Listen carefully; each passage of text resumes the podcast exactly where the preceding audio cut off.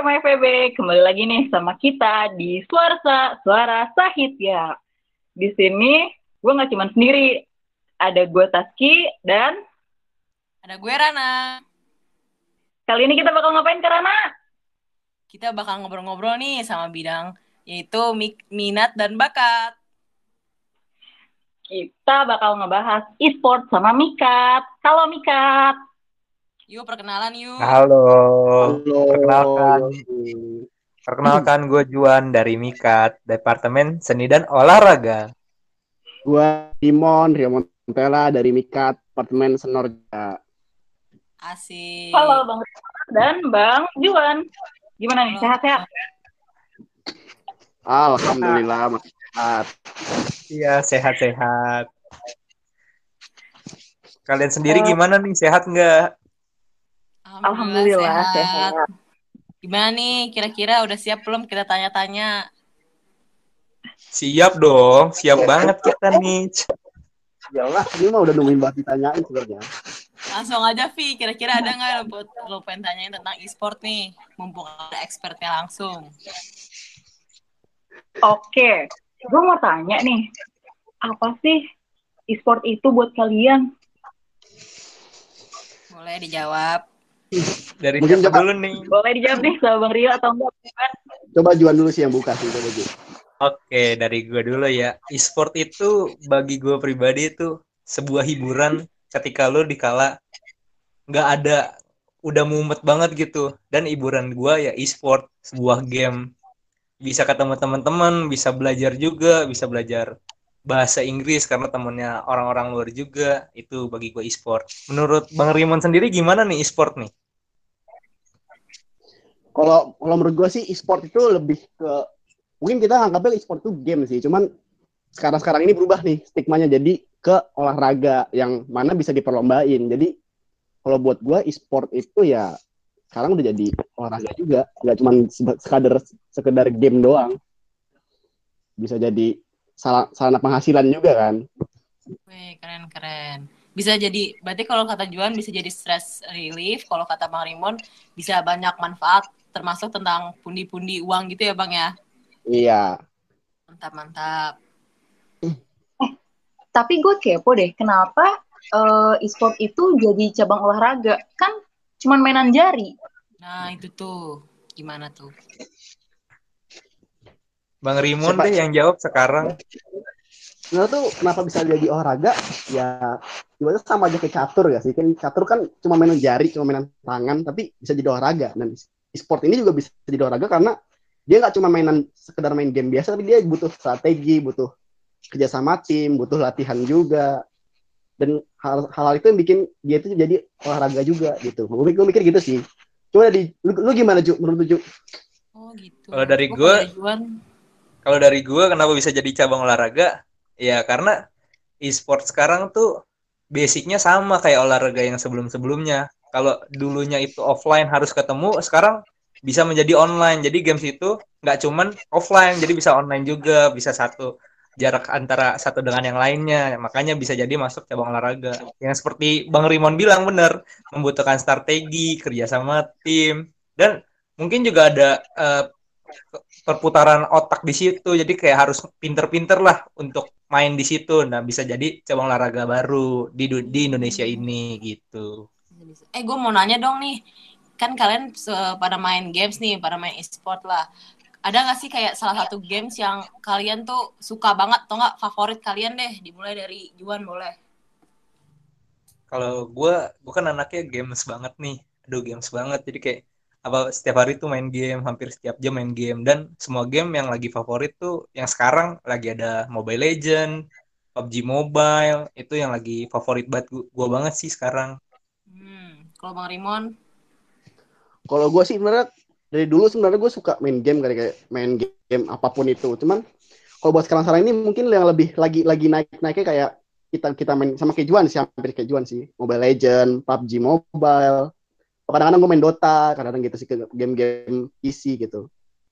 Itu doang sih kadang-kadang sama dari itu. Kan kalau misalnya kan gue sebenarnya juga kurang pengetahuan juga sih tentang games ya tapi kan ada tuh kayak uh, eh, PS itu termasuk e-sport juga gak sih kalau menurut kalian Dari gua Sebenarnya- dulu aja kali jawab ya. Boleh. Eh, PS itu bisa masuk ke e-sport karena eh, beberapa jadi e-sport itu nggak harus game online jadi e-sport itu dikategorikan bisa game yang ada perlombaannya jadi e-sport itu nggak jangan ditangkap tuh game online e-sport PS pun bisa jadi karena ketika itu bisa jadi sebuah perlombaan dan banyak peminatnya itu bisa dikategorikan e-sport dalam hal yang elektronik gitu Hmm. Mungkin gua mau nambahin doang sih kayak Boleh, boleh bang.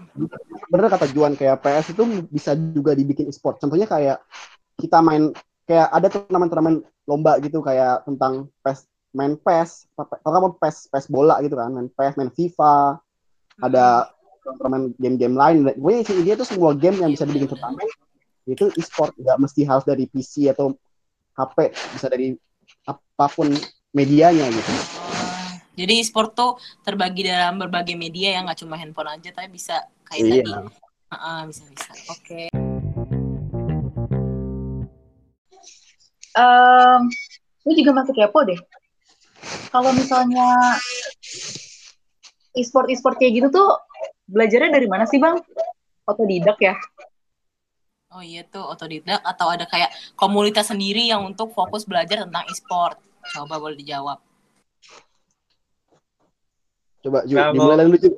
Oke, da- kalau dari gue pribadi, e-sport itu dibilang otodidak enggak, karena e-sport itu kayak ngikutin perkembangan zaman. Jadi terbitnya e-sport karena teknologi yang cukup maju, makanya tuh bisa terbit e-sport. Orang-orang jadi kayak buat komunitas, contoh komunitas uh, satu mobil ini. Jadi mobil ini belum keluar, tapi dia kayak menunggu mobil ini keluar. Nah itu kayak perkembangan zaman gitu kan. Nah e-sport kurang lebih seperti itu, makanya ada e-sport ini. Eh, kalau dari gue sih sebenarnya awal itu mungkin kita kayak asal main coba-coba nggak sih kita sering-sering main jadi kita belajar-belajar sendiri sampai akhirnya kita mulai-mulai bisa mulai-mulai cari tahu gimana cara main dengan benernya dan dan bener tadi ada komunitasnya.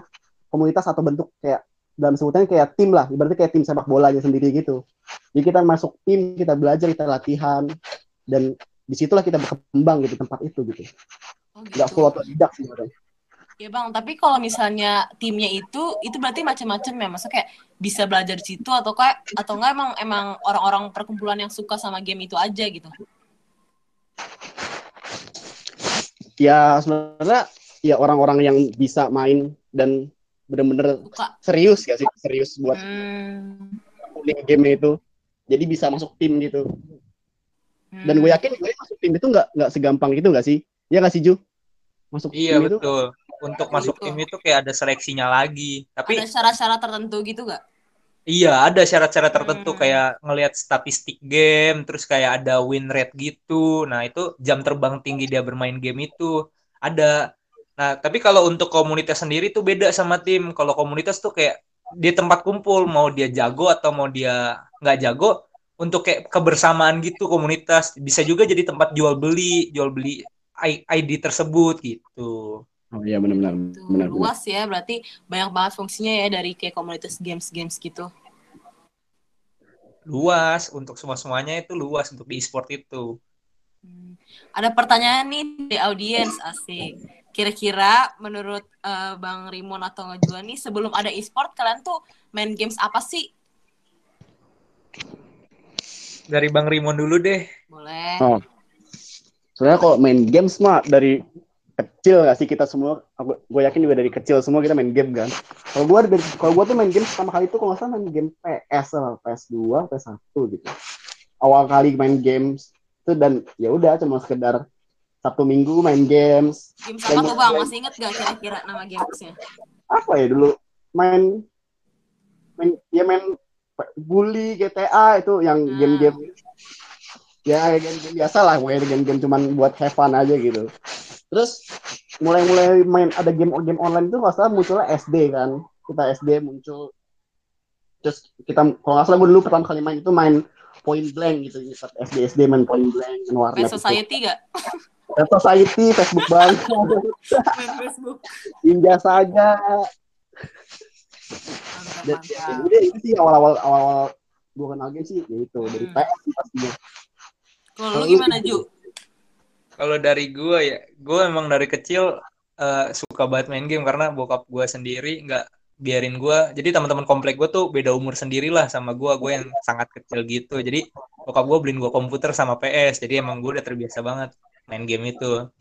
Gue dulu main game itu Dota 1 itu pertama kali gue SD kelas 1 gue udah main gituan. Terus lanjut lanjut lanjut sama kayak kayak Bang Rimon tuh. Rata-rata pasti orang main PB, main Ayo Dance, main Sos Pet Soy Pet City gitu. Di Facebook Dragon terus Dragon City kan banyak di Facebook itu nah ya sampai sekarang ya berlanjut terus sampai ngikutin perkembangan zaman. Gue ikutin games yang lagi hmm. lagi hot apa nih gitu sih dari gua. Gitu. Nah, kan kalau dengar dari cerita kalian nih kan kalian dari kecil nih dari usia dini banget udah kenal game kan. Menurut kalian tuh ada gak sih kayak dampak soalnya di mata orang-orang tuh kan kayak anak kecanduan game itu kan benar-benar negatif banget kan. Kalau menurut kalian tuh gimana tuh dengar stigma itu?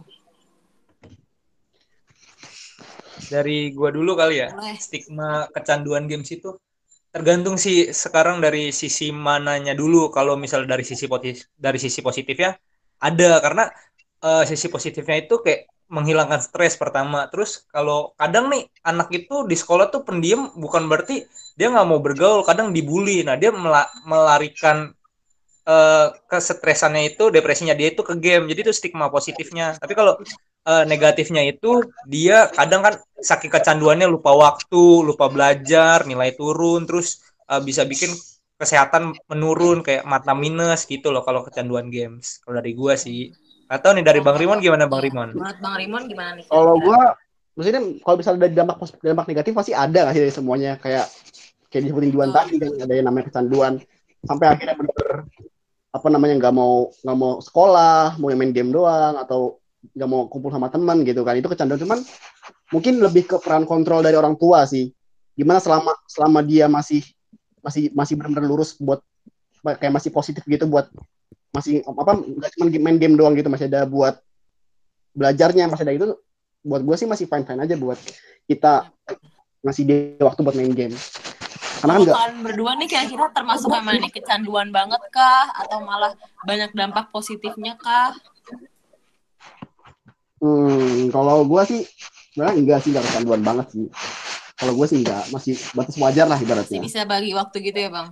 Ya masih batas waktu lah. Kalau lu Ju?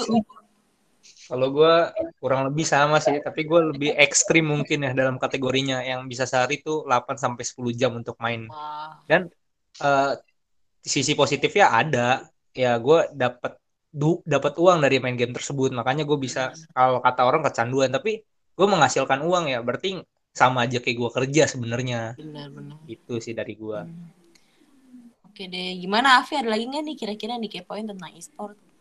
Wah, keren banget ya ternyata. Maksudnya uh, gue sebagai orang awam yang selama ini berstigma negatif yang seperti disebutkan tadi tentang e-sport ini langsung jadi terbuka gitu pikirannya ya kan.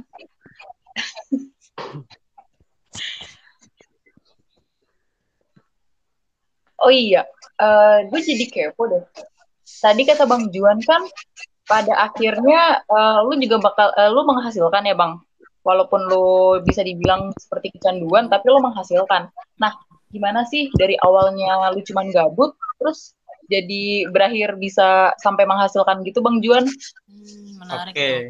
Oke, okay, gue sedikit cerita ya tentang ngasilin duit di games itu gimana. Jadi uh, kita ambil yang sekarang aja Mobile Legends. Gue gue bermain cukup intens di Mobile Legends yang sampai 8 sampai 10 jam dan itu gue ada yang namanya tuh di game itu joki. Jadi kita mainin car orang, orang bayar duit ke kita, kita naikin satu peringkat dia atau pangkat dia. Nah, itu tuh namanya joki. Itu dapat uang dari sana. Terus bisa kita kita bikin ID, kita bikin bagus itu ID-nya, kita jual itu ngasilin uang. Jadi emang ada beberapa tipe untuk ngasilin uang. Ada yang dari joki, ada yang dari jual ID, ada yang dari jual item. Tergantung gamenya itu ada apa aja. Ada MMORPG, ada MOBA, ada game perang gitu, game FPS. Tergantung dari segi gamenya tersebut.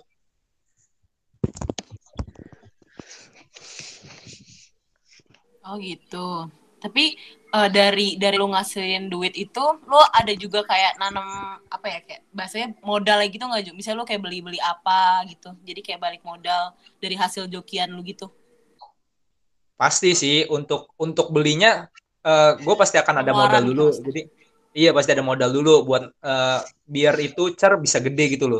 Uh, biar itu ID itu bisa bisa besar ya pasti ada modal dulu. Nah kalau untuk modal itu rata-rata di game uh, komputer, tapi kalau untuk di game HP ini, mobile ini nggak terlalu makan banyak modal. Karena kalau di game komputer pertama kita harus bikin komputer kita yang cukup untuk main game tersebut. Speknya cukup spesifikasinya yang warna-warni gitu gak sih? Keyboard iya iya ya, yang kayak gitu. Terus dalemannya motherboardnya VGA-nya itu lengkap banget dah tuh. Itu harus modal dulu biar gamenya tuh bisa cukup dimainin. Nah kalau di game mobile kan kita cuma modal handphone dan modal pemikiran kita nih. Pemikiran kita untuk strateginya gimana kita mikir uh, dalam game tersebut untuk cari komunitasnya gimana itu ada modal tersebut jadi ada ada pertama ada modal uang, kedua ada modal tenaga gitu sih.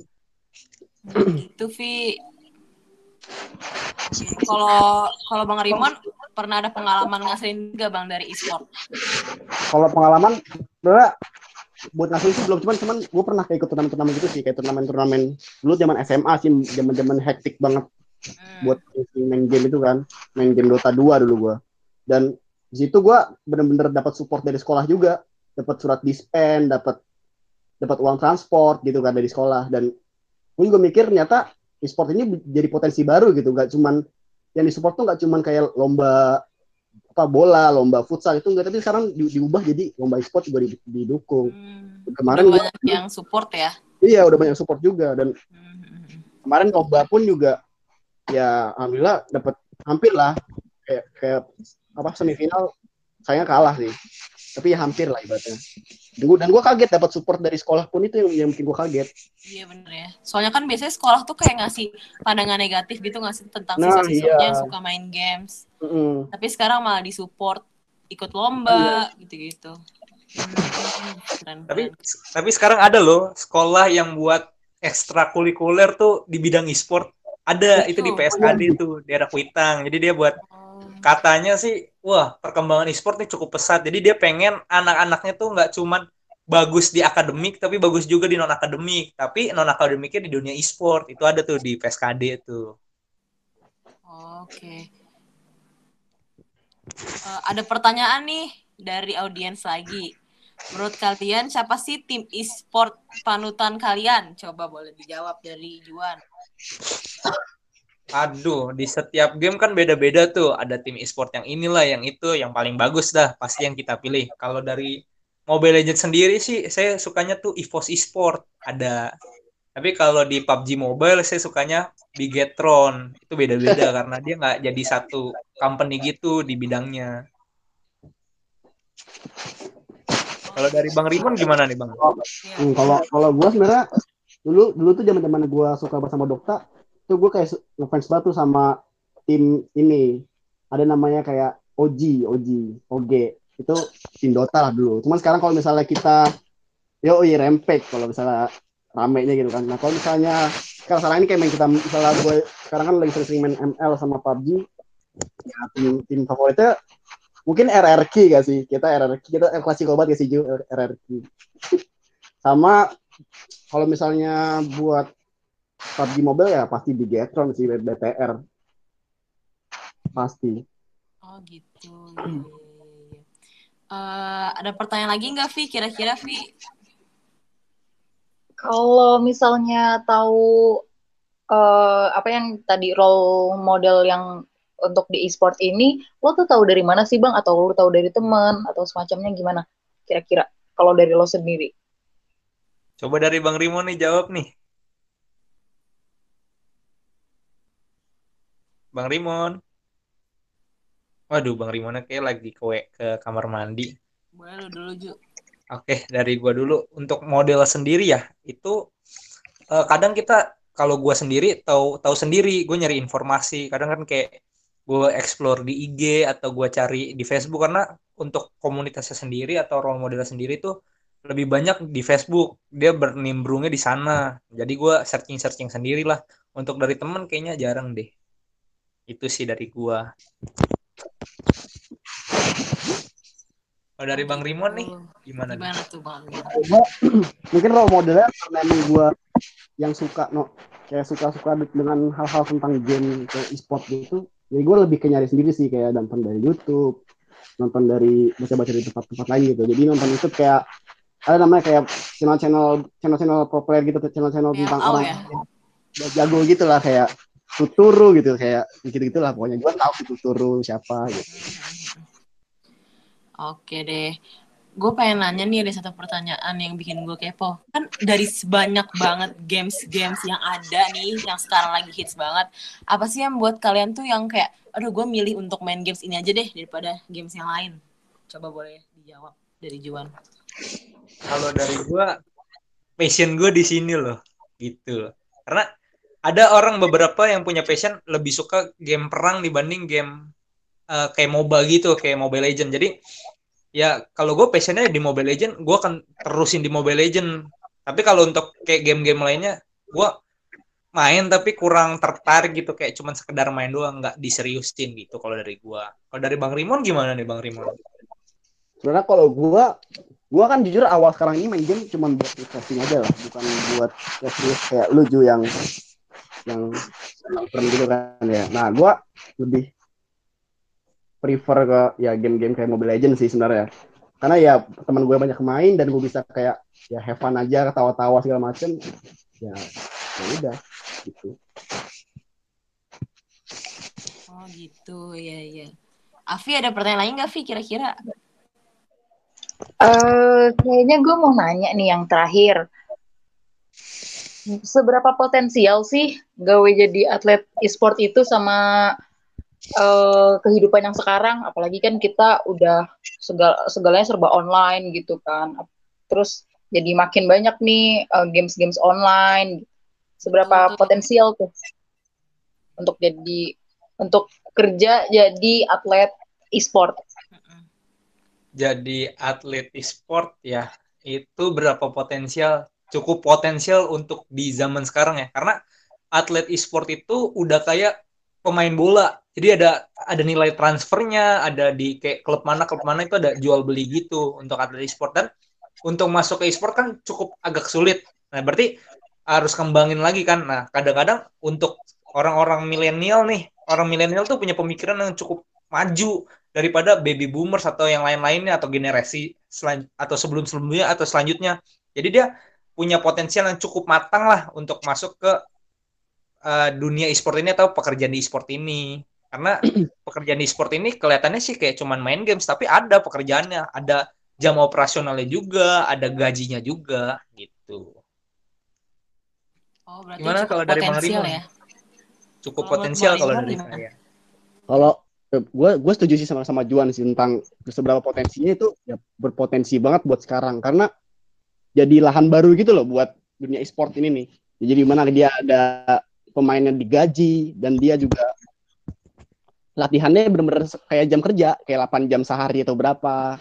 Terus terus juga dari uang turnamen juga gede banget bonus-bonusnya. Bahkan setahu gue tuh hadiah terbesar itu kayak ada ada dari game loh. Kayak setahu gue ada 400 450 miliar nggak salah dari dari game Dota 2 dan itu kayak uang segitu, segitu banyak dari game doang.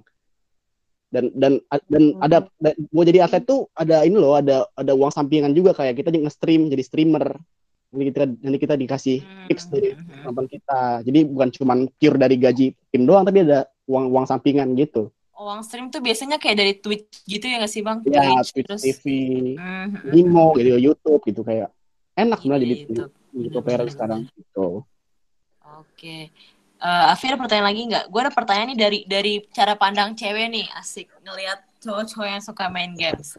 Biasanya nih kalian kan adalah yang misalnya yang suka bucin gitu kan. Biasanya tuh kan pasangan kalian tuh kan di apa namanya cuekin gitu kan gara-gara main games. Kira-kira menurut kalian gimana tuh? Boleh dari Juan atau Bang Rimun? Kebetulan kalau dari saya saya lagi jomblo nih. Jomblo banget. Ya nggak ada permasalahan berarti dong. Tapi kalau yang sebelum-sebelumnya waktu ada pacar agak sulit sih karena terkadang kita harus membagi waktu untuk pacar, untuk main game itu kayak apalagi orangnya kayak gue yang suka banget main game ya kadang ya berantem begitulah marah-marah ya tapi mau gimana kan gue lebih ngejar cita-cita gue dibanding pacar kalau gue punya uang yang cukup Mm-mm. berarti gue bisa cari pacar yang lebih baik lagi apalagi games passion banget ya kalau menurut bang gimana bang Kalau gue sebenarnya eh kalau misalnya buat orang-orang yang udah punya pacar gitu sih, ya pasti pinter-pinter pinter-pinter bagi-bagi waktu lah. Karena kan nggak mungkin juga kita ninggalin pasangan kita cuma buat main game kan. Jadi gue mikirnya ya pinter-pinter bagi waktu, terus jangan jangan cuma game terus gitu masa lu punya pacar terus lu tinggal game doang gitu kasihan banget pacar lu gitu sih gue pikir gitu sih. Bener banget itu apalagi kan kayak banyak banget nih gue ngeliat lu lagi jalan misalnya sama cewek lu atau gimana tuh pasti main games gitu nunggu apa apa main games itu kan kayak menimbulkan konflik gitu kan. Pinter-pinter bagi waktu ya. Baik baik. Afi kira-kira ada pertanyaan gak Vi? Oke, ini eh last but not least, gimana sih menurut kalian eh, apa yang harus dilakuin sama orang-orang nih atau kema FEB yang lagi on progress untuk masuk dalam dunia e-sport supaya bisa jadi atlet seperti kalian gitu gimana nih? Ada masukan? dari bang Rimon dulu deh Kalau dari gua mungkin perbanyak jam terbang sih. Perbanyak jam terbang dalam artian kita kayak sering-sering latihan, sering-sering sparring lah ibarat sparring, sering-sering turnamen, mungkin ada mungkin ada turnamen-turnamen tentang e-sport di mana gitu, kita ikut. Ya, kalau gue itu sih lebih banyak di jam terbang sih. Biar biar jago lah ibaratnya gitu. mungkin kalau dari gue pribadi sama mungkin sama bang Rimon yang perbanyak jam terbang terus ikut turnamen tuh kayak kalau misalnya udah punya jam terbang sama turnamen itu pasti eh, ada beberapa eh, tim atau klub mungkin yang akan ngelirik lu jadi kayak bakal diambil. Nah untuk memperbanyak jam terbang sama turnamen tuh kan kita harus ikut turnamen ya. Nah di, Betul, di FEB sendiri nih lagi pengen ada turnamen nih. Wah, namanya tuh Eco tuh, Cup. Eko Cup Iya, tuh, Eko Cup tuh ada nyediain game-game e-sport, ada Valorant, ada Mobile Legend, ada PUBG Mobile, ada Point Blank, ada Magic Chess. Nah, kalau misalnya teman-teman nih dari KMA FEB pengen nyalurin bakatnya dan pengen memperbanyak jam terbang, ikut tuh Eko Cup yang bentar lagi.